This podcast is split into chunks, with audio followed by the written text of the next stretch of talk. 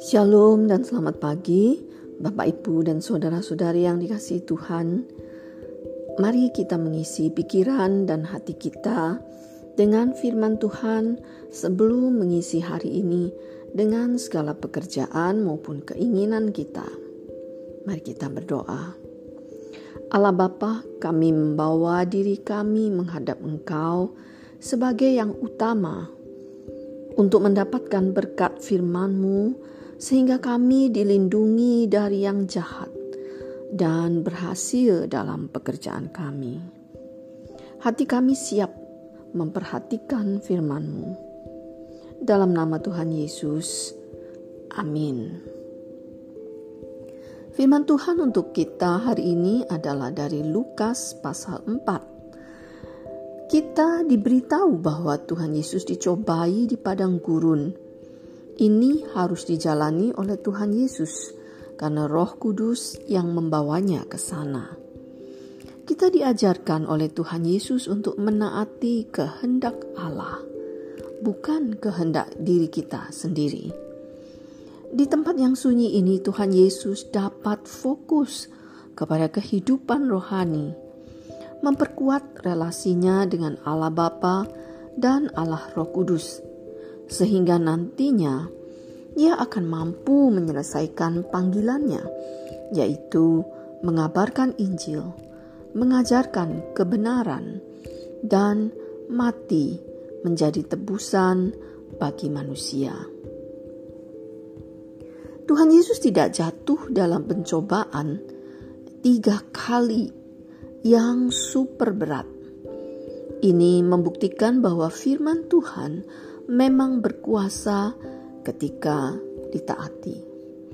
Firman Tuhan memberikan hikmat untuk menang melawan tipu daya godaan iblis. Maka itu, saudara-saudara harus menghafal firman Tuhan dan melakukannya jika tidak ingin dikalahkan oleh iblis. Setelah sukses mengatasi pencobaan-pencobaan terberat manusia, Tuhan Yesus mampu mengajar dengan kuasa. Dengan ini Bapak Ibu Saudara-saudari, ketika taat pada firman, maka Bapak Ibu Saudara akan mengajar dengan kuasa. Baik itu mengajar anak-anak Bapak Ibu atau mengajar orang-orang lain di gereja maupun di pekerjaan. Nasihat-nasihat Bapak Ibu Saudara akan diperhatikan dan dilakukan. Selanjutnya kita melihat karena dibesarkan di Nazaret, Tuhan Yesus tidak lupa untuk mengabarkan Injil di sana. Sayang sekali orang-orang Nazaret memandang orang dari luarnya saja, yaitu kekayaannya atau jabatannya.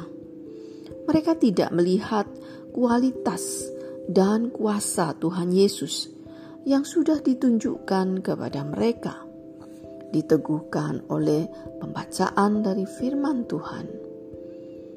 Maka mereka menolak Tuhan Yesus, dan ini berarti juga menolak Injil keselamatan. Bapak, ibu, saudara-saudari, jangan seperti orang-orang Nazaret menilai orang dari luarnya, wajahnya, tubuhnya, pakaiannya, perhiasannya, rumahnya, kendaraannya, pekerjaannya. Tapi dengarkan hamba Tuhan yang hidupnya berkualitas sesuai dengan firman Tuhan, supaya Bapak, Ibu, Saudara tidak kehilangan keselamatan. Dalam pelayanan Tuhan Yesus selanjutnya, ia sering bertemu dengan roh-roh jahat atau setan-setan. Tuhan Yesus menunjukkan bahwa ia adalah Allah.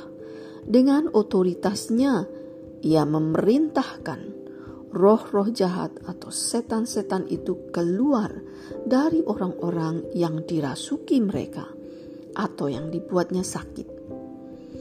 Bukan dengan perang, atau tawar-menawar, dengan setan-setan itu. Mereka semua menaati Dia. Tuhan Yesus melarang mereka berbicara, sebab belum waktunya. Manusia akan mengenal Yesus dan keselamatan nantinya oleh pekerjaan Roh Kudus. Itu sebabnya Tuhan Yesus tidak tergiur oleh kekaguman orang-orang pada dirinya. Ia fokus pada mengajar dan memberitakan Injil. Ia lalu meninggalkan Galilea dan pergi ke Yudea untuk mengabarkan Injil di kota-kota dan desa-desa di sana. Bapak, ibu, saudara-saudara sekalian, marilah kita juga menjaga diri kita, supaya kita tidak mudah terlanyut oleh karena orang-orang yang mungkin mengagumi kita, memuji-muji kita, sehingga kita lupa dengan visi ataupun misi ataupun panggilan yang sudah Tuhan berikan kepada kita. Tuhan Yesus, kami kagum pada kerendahan hati Tuhan dan ketaatan Tuhan sepenuhnya kepada panggilan untuk menyelamatkan manusia, sehingga Tuhan Yesus mau melewati pencobaan yang paling berat tidak putus asa oleh penolakan orang-orang, tidak tergiur oleh sanjungan dan desakan orang banyak. Tolong kami, Tuhan, untuk suka dengan firman dan tunduk serta taat pada firman-Mu. Terima kasih Tuhan Yesus. Dalam namamu kami berdoa. Amin.